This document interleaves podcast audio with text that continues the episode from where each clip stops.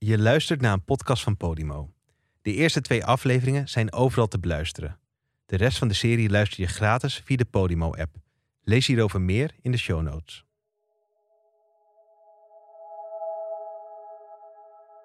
Het is al ver na middernacht en we vliegen hoog boven Saoedi-Arabië. Als ik uit het raampje van het vliegtuig kijk, zie ik een donkere vlakte. De woestijn. Hier ergens, in het midden van dit land, moet Deria liggen, de oude stad die op het schilderij staat. Naast me in het vliegtuig zit kunstenaar Jeroen van der Most. Vier maanden geleden mailde hij mij, nadat hij op de site van een Saoedische krant had gelezen dat een schilderij van hem was verkocht. Voor 3,2 miljoen dollar. Alleen, dat schilderij was helemaal niet van hem. Hij had het werk niet gemaakt. In mijn zoektocht naar wat er aan de hand was, kwam ik in contact met een Saoedische uitvinder die vertelde dat hij op alle vragen over het schilderij antwoord had. De eigenaar van het werk was namelijk een vriendin van hem, een Saoedische prinses. En ze wilde heel graag dat er een artikel in een Nederlandse krant over dit bijzondere schilderij zou verschijnen. Dat wilde ik ook wel, maar dan moest ik wel weten hoe de naam van Jeroen in dit verhaal terecht was gekomen. En hoe vaker ik die vraag stelde, hoe stiller de uitvinder werd. En daarom zijn we nu onderweg naar Saoedi-Arabië om eindelijk antwoorden te gaan krijgen. Als de piloot aan de landing begint, zie ik uit het raam fel verlichte snelwegen en gebouwen versierd met neonlichten. Er is een gigantische fontein. De waterstraal komt honderden meters hoog, hoger dan de hoogste wolkenkrabber. Dit is Jeddah, de stad waar de uitvinder woont. Even later zitten we in een taxi en rijden we over een verlaten snelweg door nachtelijk Jeddah. Op de autoradio klinkt muziek en ik pak mijn telefoon om het geluid op te nemen. Jeroen en ik zitten zwijgend naast elkaar. Misschien is het de moeheid, maar terwijl we naar Something Stupid luisteren, begint de twijfel toe te slaan. Want eigenlijk is de uitvinder ons enige aanknopingspunt. Als hij ons niet helpt, zie ik geen andere manier om erachter te komen hoe de naam van Jeroen in de Saudi-cassette terecht is gekomen. Vlak voor vertrek had de uitvinder na maanden stilte weer van zich laten horen. Hij weet dus dat we er aankomen. Maar toen ik hem appte in welk hotel zouden slapen, werd het weer stil. Misschien had hij al die tijd alleen maar gezegd dat we van harte welkom waren. En had hij niet verwacht dat we echt naar Saoedi-Arabië zouden komen. Wil hij ons wel ontmoeten? En gaan we antwoorden krijgen? Het is de enige kans om de waarheid achter het artikel en het schilderij te achterhalen.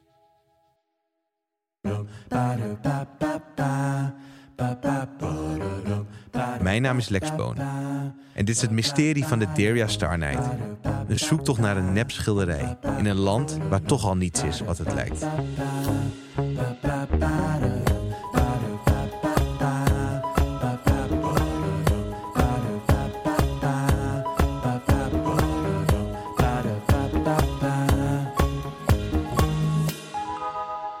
Aflevering 2: Palm Garden.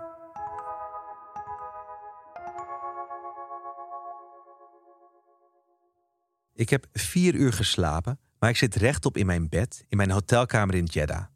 Klaar wakker en nog steeds onrustig en gespannen. Het eerste wat ik doe is de uitvinder een bericht sturen om hem te laten weten dat we zijn gearriveerd. En nu kunnen we eigenlijk niets anders dan afwachten. Ondertussen vraag ik me af: waarom heb ik eigenlijk geen ontbijt bijgeboekt in het hotel? Nou ja, eerst op zoek naar koffie dus. Als we naar buiten stappen is het al heet, zeker 30 graden. Het licht is zo fel dat ik mijn ogen moet samenknijpen tot ik mijn zonnebril heb gevonden. Ik zie glimmende auto's voorbij razen over een 14 baans weg. Ik weet niets van auto's, maar ze zien er duur uit. Tegelijkertijd hobbelt er ook een vervallen busje voorbij, stug doorrijdend, ook al heeft hij een lekke band. We wandelen een half uurtje langs de weg. Ik kijk voor de zoveelste keer op mijn telefoon. Nog geen bericht van de uitvinder. Dan stappen we in een taxi om te ontsnappen aan de hitte. Op naar het winkelcentrum. Op naar airconditioning. Op naar koffie. De weg waar we over rijden is vernoemd naar koning Abdulaziz, die 90 jaar geleden de grondlegger was van het huidige Saudi-Arabië.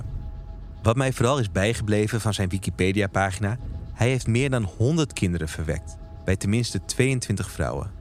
Zelfs toen hij bijna 80 was, kreeg hij nog een kind.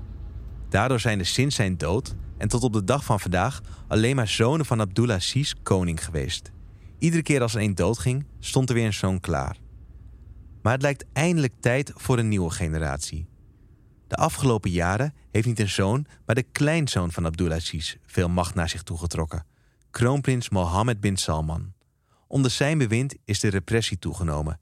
Er is geen activist meer in het land te bekennen. Allemaal opgepakt of vertrokken. En een journalist als Jamal Khashoggi is gewoon vermoord. Tegelijkertijd doet de kroonprins ook dingen die positief lijken. In dit ultraconservatieve land zijn nu enkele vrijheden die voorheen ondenkbaar waren. Als we in het winkelcentrum zijn, de Red Sea Mall, zie ik bijvoorbeeld dat er geen gescheiden ingangen meer zijn voor mannen en vrouwen. Ook zie ik veel ongesluierde vrouwen rondlopen. Dat terwijl enkele jaren geleden de Mutwa hier de baas waren, de religieuze politie. Zij zorgden ervoor dat niemand iets deed wat in strijd was met de regels van de islam. De Mutwa is nergens meer te bekennen. Wel wordt er reclame gemaakt voor de nieuwe James Bond film, terwijl bioscopen tot een paar jaar geleden nog verboden waren in dit land. Bij Starbucks bestel Jeroen en ik koffie. Eindelijk. Het is 2,5 uur nadat ik de uitvinder heb geappt. En voor de zoveelste keer kijk ik op mijn telefoon, hopend op een reactie. Ik vraag aan Jeroen hoe vaak per dag ik eigenlijk iemand kan appen zonder opdringerig te zijn. En bijna op hetzelfde moment begint mijn telefoon te trillen.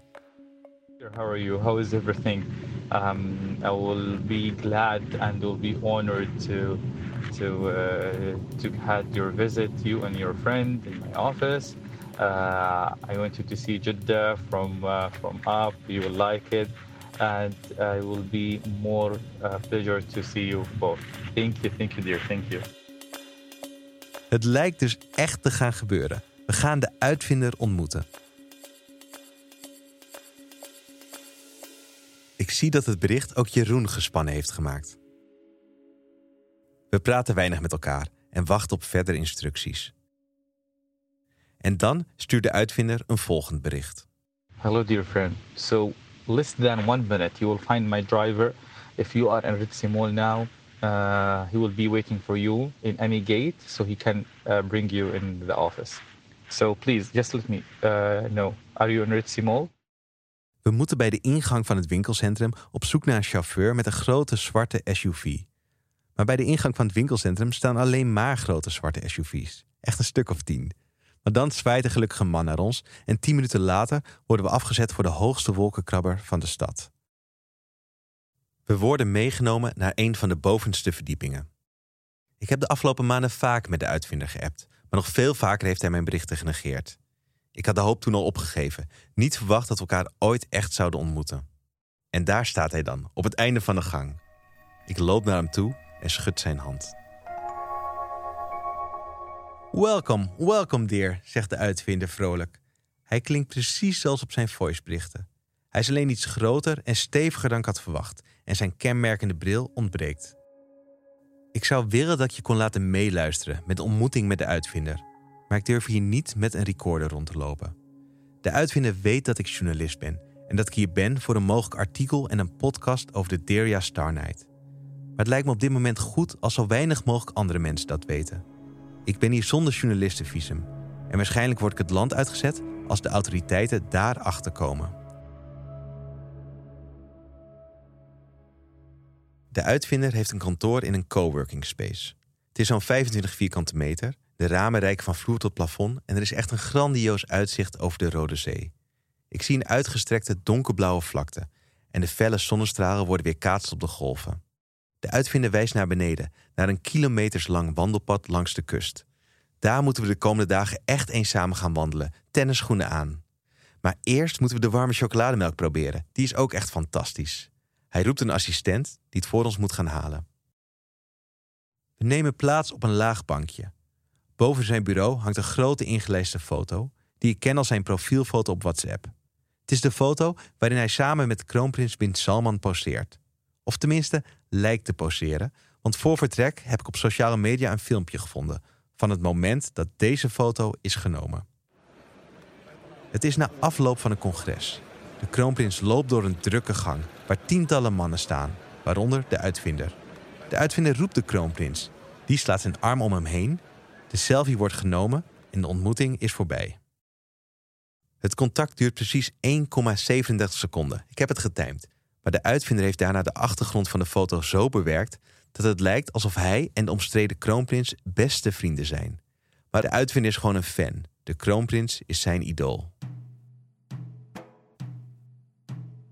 De uitvinder leunt nonchalant tegen zijn bureau in zijn kantoor. Hij vertelt dat het Koningshuis zorgt voor het volk. Net zoals zoveel jongeren heeft de uitvinder in het buitenland gestudeerd, op kosten van de staat. Hij is trouwens twee keer op vakantie geweest in Amsterdam. Met een vriend en ze sliep in een hotel op de Dam. Het casino vond hij geweldig, de wallen te druk. Wisten we trouwens dat er ook plekken zijn in Jeddah waar je gewoon alcohol kan drinken? Kijk, dit zijn nieuwste uitvinding, een Koran voor blinden. Weten we hoe groot die potentiële markt is voor zoiets? En willen we nog meer chocolademelk? De uitvinder praat non-stop over van alles. We komen er amper tussen en voor ons lijkt hij al helemaal geen vragen te hebben. Alsof het vanzelfsprekend is dat we hier zijn. Over het schilderij spreekt hij met geen woord. En ik durf er ook niet gelijk over te beginnen. In een artikel met de etiketten voor mensen die zaken willen doen in het land had ik gelezen dat je geduld moet hebben en je het grootste deel van de tijd bezig bent met smalltalk. Ik zit met een blikje stroopwafels en een doosje chocola op schoot, maar ik krijg geen kans om het te geven. Ik schaam me ook een beetje. Dit suffe cadeau dat ik nog snel op Schiphol heb gekocht, staat niet in verhouding tot de gasvrijheid van de uitvinder. Zijn kantoor mogen we gebruiken deze week, als we nog willen werken. En we moeten zeker ook een boottocht maken. Hij zal het regelen. En zijn er nog andere dingen die we willen zien? Ik wil eigenlijk wel een keer s'avonds naar de woestijn, zeg ik, om een echte Starry Night te zien. De uitvinder begint hard te lachen en zegt iets als: Oh, jullie weer met jullie Starry Night. Maar het is voor het eerst dat hij laat doorschemeren dat hij donders goed weet waarvoor we hier zijn. Na anderhalf uur smalltalk geef ik mijn cadeaus. Hij is inderdaad niet zo onder de indruk. Hij neemt het aan en legt het naast zich neer. Als afscheid krijgen we een box. Hij belooft ons om half acht op te halen om samen te eten. In restaurant Palm Garden, een van de oudste restaurants in de stad. En, zo verzekert hij, dan kunnen we over alles praten.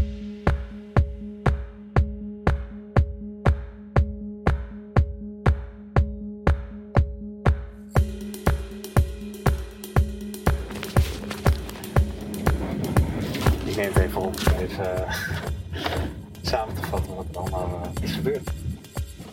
Als we na het gesprek weer achter in de zwarte SUV zitten, terug naar het hotel, zet ik de recorder van mijn telefoon aan.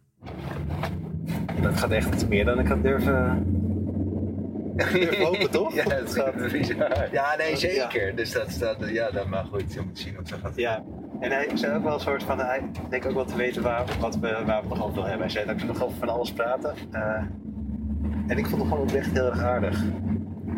Nee, ja, dat klopt. Nee, prima. We hebben de uitvinder ontmoet. En hoewel hij nog niet ter zake wilde komen, voelt het alsof we dicht bij antwoorden zijn over hoe de naam van Jeroen in de Saudi Gazette terecht is gekomen. Maar als ik terugluister naar de opname, klink ik niet echt zeker van mijn zaak. Ik denk dat we misschien wel gewoon antwoorden gaan krijgen. Toch? Heb jij niet het idee dat... Uh... Ik klink eerder vertwijfeld. Toch? Ik zoek bevestiging dat het allemaal goed gaat komen. Maar Jeroen is achterdochtiger dan ik ben. Hij denkt dat het niet zomaar is dat de uitvinder vanavond opnieuw met ons wil afspreken. Wat bedoel je? Nou ja, of wat, wat is de reden inderdaad dat hij dit uh, dat hij doorgaat? Wat? Dat hij al niet uit. Dat hij dit niet met ons gaan, gaan afspreken ja. en daarop door te gaan. Ik geloof dat beste mensen gasvrij zijn. Maar ik denk vermoed dat er bij hem wel meer achter zit. Maar wat dan? Want waarom zou hij hierop doen? Niet om, ik denk, eh, niet omdat wij zo leuke mensen zijn, denk ik. Heeft Jeroen gelijk? Is er iets dat de uitvinder van ons wil? Die avond komt de uitvinder, anderhalf uur later dan afgesproken, voorrijden in zijn auto. Hij brengt ons naar restaurant Palm Garden. Het is een fantastische plek, langs de zee met een groot terras onder tientallen palmbomen en een aangenaam briesje. De uitvinder verzekert ons dat we Saudische champagne moeten proberen. Appelsap met bruisend water. En hij bestelt shisha's voor ons, waterpijpen. Het is niet echt iets waar ik goed in ben. Maar als ik voorbij de fase van kuchen ben, doordat ik gewoon niet inhaleer, voel ik me een soort van cool. Van kijk mij, waterpijp rokend, onder een palmboom in Saoedi-Arabië. Een tafel verderop zit een groep van negen vrouwen, niet gesluierd. Ook zij roken een waterpijp. Ik hoor ze hard lachen en alle mannen in het restaurant proberen oogcontact met ze te krijgen. Ik vraag of het expats zijn, maar volgens de uitvinders zijn het Saudische vrouwen. Gewoon een groep vriendinnen, een avond uit. Als hij mijn verbazing ziet, begint hij weer over de kroonprins en dat alles snel verandert in dit land. Er komt nog meer eten en nog meer Saudische champagne. Hij laat de waterpijpen nog een keer vullen. De uitvinder schept voor ons op en we moeten alles proeven. Zo zitten we wel twee uur te eten en te praten zonder dat iemand over het schilderij begint. En dan opeens, vanuit het niets, schuift er een man aan. Hij begint mee te kletsen en mee te eten. De uitvinder stelt hem voor als oude vriend, die tegenwoordig voor de Nationale Garde werkt. Ik schrik. De groep vrouwen verderop had hem even het idee gegeven dat mensen hier vrij zijn. Alsof al die rapporten over mensenrechten schendingen die ik had gelezen over een ander land gaan. Maar dat is niet zo. Alles wordt altijd en overal in de gaten gehouden. Of tenminste, iedereen moet het gevoel hebben dat ze altijd en overal in de gaten kunnen worden gehouden. Echt geïnteresseerd lijkt de man van de Nationale Garde niet in ons. Hij is meer bezig met een groep vrouwen verderop. Op een gegeven moment is hij zelfs helemaal afgehaakt en zit hij onderuitgezakt op de bank met zijn telefoon te spelen. Maar wie is deze gast? Komt hij ons in de gaten houden? Of wil hij laten weten dat ze heus wel weten dat we niet alleen voor een congres komen? En wie zijn ze eigenlijk? De Saudische staat? Ineens voelt het toch niet meer overdreven dat ik een aparte telefoon heb meegenomen en besloten heb om mijn laptop maar helemaal niet te verbinden met internet hier. Of is dit toch gewoon een vriend van de uitvinder die toevallig aanschuift? Ben ik paranoia aan het worden? Maar even plots als de man is gekomen, staat hij op en verdwijnt hij. Het is alsof het een hindernis was die even moest worden genomen. Want als we weer alleen zijn, neemt de uitvinder weer het woord. dit keer begint hij over kunst. Hij vertelt over een kunstgalerie in Riyadh waar hij een tijdje geleden was. Daar kwam hij iets ongelooflijks tegen. Wacht, zegt hij dan. Ik app je de foto's wel even. Op mijn telefoon kijk ik naar wat de uitvinder me heeft gestuurd. Ik zie foto's van moderne kunst. En wat goed is om te weten, ook dit is iets nieuws in dit land. Voorheen was eigenlijk alles wat de zintuigen prikkelt verboden. Er waren geen bioscopen, geen muziek in de openbare ruimte, geen moderne kunst. De uitvinder vraagt of ik de foto's goed wil bekijken. Het zijn schilderijen van verschillende kunstenaars. Ik herken de naam van Fernando Botero. Wat opvalt, de schilderijen staan maar deels op de foto's. De uitvinder lijkt vooral de prijskaartjes interessant te vinden en die lopen van een paar ton tot wel anderhalf miljoen voor de Botero. De uitvinder is verbijsterd over deze enorme bedragen. Hij wijst me op een foto van een beeld van de Amerikaanse street artist Cos. Ik zie een cartoonachtig figuur dat knock-out lijkt te zijn geslagen, met kruisjes als ogen. Een dode Mickey Mouse noemt hij het. Het prijskaartje 1,7 miljoen. Hij heeft zelfs gelezen over een volledig blauw schilderij dat voor nog veel meer miljoenen is verkocht. Ik vraag aan hem of het een rotko was en hij heeft geen idee. De werk of de kunstenaar boeien hem ook niet. Want wat hij interessant vindt is dat een blauw doek miljoenen waard kan zijn. Dat is volgens hem marketing en dat is toevallig iets waar hij ook erg goed in is. For example, zegt hij, neem de Deria Star Night. En in het ruime uur dat volgt vertelt de uitvinder hoe de Deria Star Night tot stand is gekomen. Het is een warrig gesprek vol zijpaden. Om details op tafel te krijgen moet ik hem vaak onderbreken met vragen, maar ik krijg zelden een duidelijk antwoord. Af en toe betrap ik hem op een leugen of spreekt hij zichzelf tegen. Maar toch, hoe langer we spreken, hoe meer we te weten komen. En als Jeroen en ik later weer terug zijn in het hotel, het is ver na middernacht, kan ik eindelijk mijn recorder weer aanzetten. Samen proberen we te reconstrueren wat de uitvinder eigenlijk heeft verteld in de afgelopen uren. Maar ja. Ik ben helemaal suf geluld, maar... compleet bizar, toch? Ja, of tenminste echt schat, schat aan informatie, joh. Ja, we hebben het echt goed gedaan ook. Echt heel lang wachten. En toen... Ik, vond echt dat, ik dacht, daar was ik ook een soort trots op. Van het, want... Nee, we hebben het super gedaan, joh. We hebben het echt helemaal gewoon, uh, hebben gewoon laten lullen. En gewoon niks. Gewoon heel langzaam Het is wat gênant als ik dit terughoor. Zo blij en blijkbaar ook nog trots op onze aanpak. Maar ter verdediging, we hebben een absurde dag achter de rug. En zijn in extase. Wat een uh, avontuur. We zijn nog geen 24 uur hier, hè? Nee, Kijk wat we allemaal hebben gedaan. Zelf veel verder dan ik had kunnen durven hopen. Nee, zeker, zeker. Ja, het ging helemaal los, joh. Ja, ja en ik geloof, ik geloof wel dat hij nou... Ja, Oké, laat me je vertellen wat Jeroen en ik tijdens dat urenlange diner te weten zijn gekomen. Het is duidelijk dat de rol van de uitvinder veel groter is dan alleen een woordvoerder. Het verhaal lijkt bij hem te beginnen als hij op een dag een bezoek brengt aan de galerie in Riyadh. Daar raakt hij geïnspireerd door de miljoenen die er omgaan in moderne kunst. En geld verdienen is iets waar hij zich graag mee bezighoudt. Als hij het bijvoorbeeld had over zijn uitvindingen, ging het bijna niet over de techniek, maar vooral over de potentiële markt die hij kon bereiken. Nou ja, het is verder niet, niet zo, niet iemand die echt feeling heeft bij de kunstmarkt. Helemaal niet. Uiteindelijk, daar was hij ook op een gegeven moment. Ja, hij, hij ziet alleen maar, hij ziet, helemaal geen zak van. Hij ziet alleen maar bedragen, alleen maar geld. De uitvinder zei het niet met zoveel woorden en hij wilde maar weinig in detail treden, maar achter de Dirja Starnight leek een groots plan te zitten. Hij leek te geloven dat met de juiste marketing het schilderij een wereldberoemd schilderij kon worden. Of nou ja, in ieder geval in de Arabische wereld.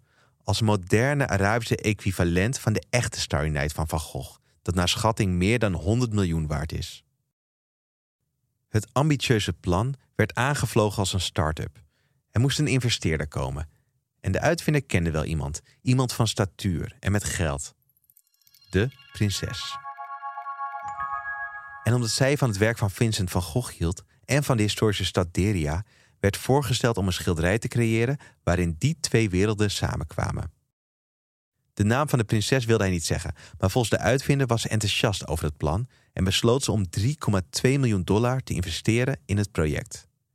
Dat ze het van een zakenman had overgekocht, zoals in de Saudi Gazette had gestaan, was dus bullshit. Of die zakenman moest de uitvinder zelf zijn. Maar dat was volgens hem ook niet zo. Het was namelijk niet alleen zijn plan. Het hele project werd uitgevoerd door een clubje mensen uit de omgeving van de prinses. Namen wilde hij niet geven. En over wat voor personen dat waren of om hoeveel mensen het ging, was hij uiterst vaag. Ik wist niet wat ik hiervan moest geloven. En ik kon me eigenlijk niet voorstellen dat iemand echt 3,2 miljoen dollar had betaald. En ik snap, ik snap nog steeds dat bedrag snap ik nog niks van. Als het dus je eigen project is en je eigen idee, waarom zou je zoveel geld neerbetalen?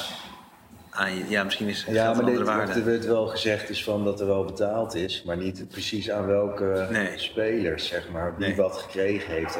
Ja, hij heeft er ook een flinke commissie aan verdiend. Ja, dus een paar ton of zo. Bizar. Maar het is gewoon, het is, ja, het, het is gewoon, het zijn dan, het zou dus, ik geloof het wel erg, dat het zou kunnen zo. Het zijn mensen met heel veel geld. Ja. ja, die hebben dit gewoon, dit is een idee, dan gaan we realiseren, ja. leg gewoon 3 miljoen ervoor neer. Ja, want dat, dat ook zelf vond de uitvinder het overigens helemaal geen absurd bedrag. Een dode Mickey Mouse was al 1,7 miljoen waard. En dat ontroerde toch niemand?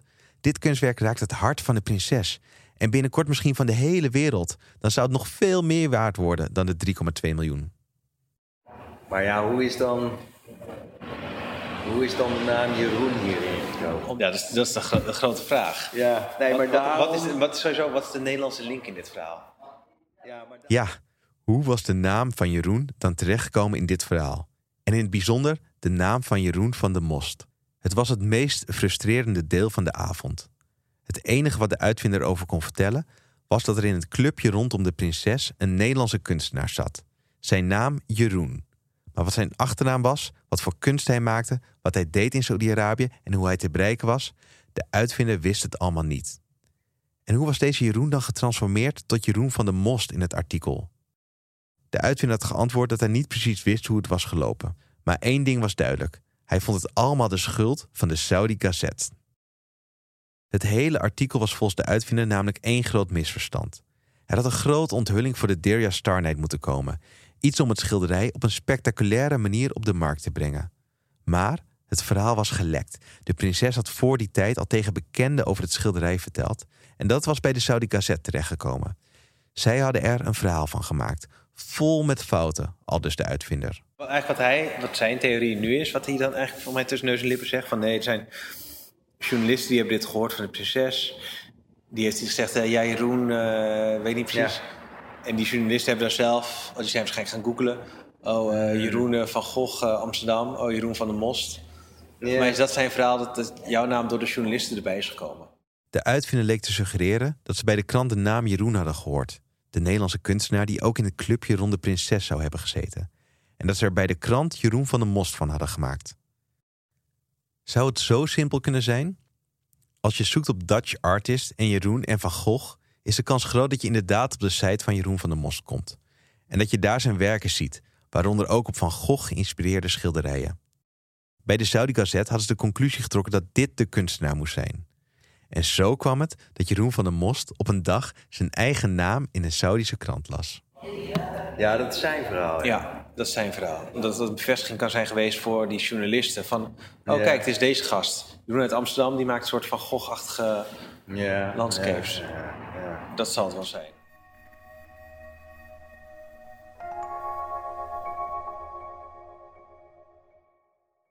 We leken nu dus eindelijk een soort van verklaring van de uitvinder te hebben gekregen over de kwestie van de naam in het artikel. Maar ik had weinig tijd om dat op me te laten inwerken. En dat kwam vooral door iets wat er op het einde van het gesprek met de uitvinder gebeurde. Ik vroeg hem of we het schilderij misschien konden zien de komende dagen. Het schilderij was thuis bij de prinses in Riyadh, zei hij. Hij zou haar bellen om te vragen of ze het met een koerier naar Jeddah wilde sturen. Dat was waarschijnlijk geen probleem, ook al was het duizend kilometer verderop. Ik zei dat het een perfect einde voor mijn verhaal zou zijn als we de Deria Star Night in het echt zouden kunnen zien. En toen zag Jeroen zijn kans. Dan kan ik het signeren, zei hij. En de uitvinder hoefde daar geen seconde over na te denken. Het is oké, zegt hij. Come, take it. Ik gooide, op een gegeven moment gooide ik hem gewoon op een gegeven moment als grap van hem even. Ja. Ja, ga ik ook was maar dit helemaal- is gewoon wat hij, wat hij wilde. Die wilde volgens mij gewoon hetzelfde als ik. Die wil gewoon... Ja, alleen met een andere of- motivatie. Of de- ja, precies. Ja. Wel met een andere mot- motivatie. Ja. Want ik zie het meer als kunst. Dus dat Ja. is nog wel een dingetje. Want ik zie dat als kunstproject op zich. Ja. Dat dingen tekenen. Maar hij wil dat gewoon echt realiseren. Ja, ja, je zag op een gegeven moment helemaal die business ogen van hem. Nee, Alle zeker. kanten. Maar dat is dus... Het hij is wil gewoon fantastisch. hetzelfde als ik eigenlijk. Maar hij heeft- Alleen niet met die... Ja. De uitvinder en Jeroen leken elkaar op dat moment te begrijpen. Ze hadden binnen een paar seconden en met slechts een paar woorden een soort pact gesloten. De fake Jeroen van der Most zou een echte Jeroen van der Most worden. Hij hoefde morgen alleen nog maar even zijn handtekening op het schilderij te zetten. Maar super interessant, joh. We moeten morgen dus wel even een kwastje en wat verf halen. Ja. Dat is wel even belangrijk. Wel even- Dat we het altijd hebben. Gewoon dat Ja, het- zeker, want anders is dat het eigenlijk. Als hij een impuls, eh, hij heeft, morgen ineens zegt, ja, morgenavond komen we naar mij toe, Ja. naar de villa. Ja. Dan gaan we tekenen. Ja, dat moeten we wel hebben. ja.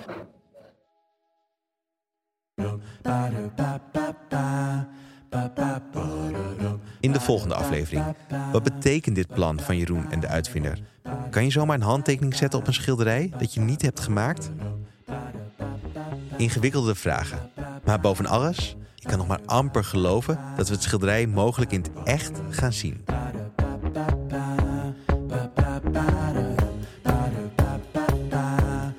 Het mysterie van de Deria Star is een productie van Dag en Nacht.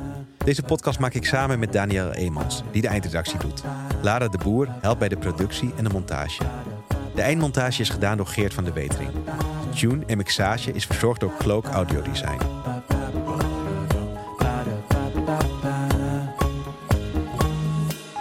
Deze serie is verder te beluisteren via de Podimo-app. Daar staat aflevering 3 nu al voor je klaar. Ga naar podimo.nl slash mysterie of gebruik de link in de show notes. Via deze link heb je drie maanden gratis toegang tot Podimo.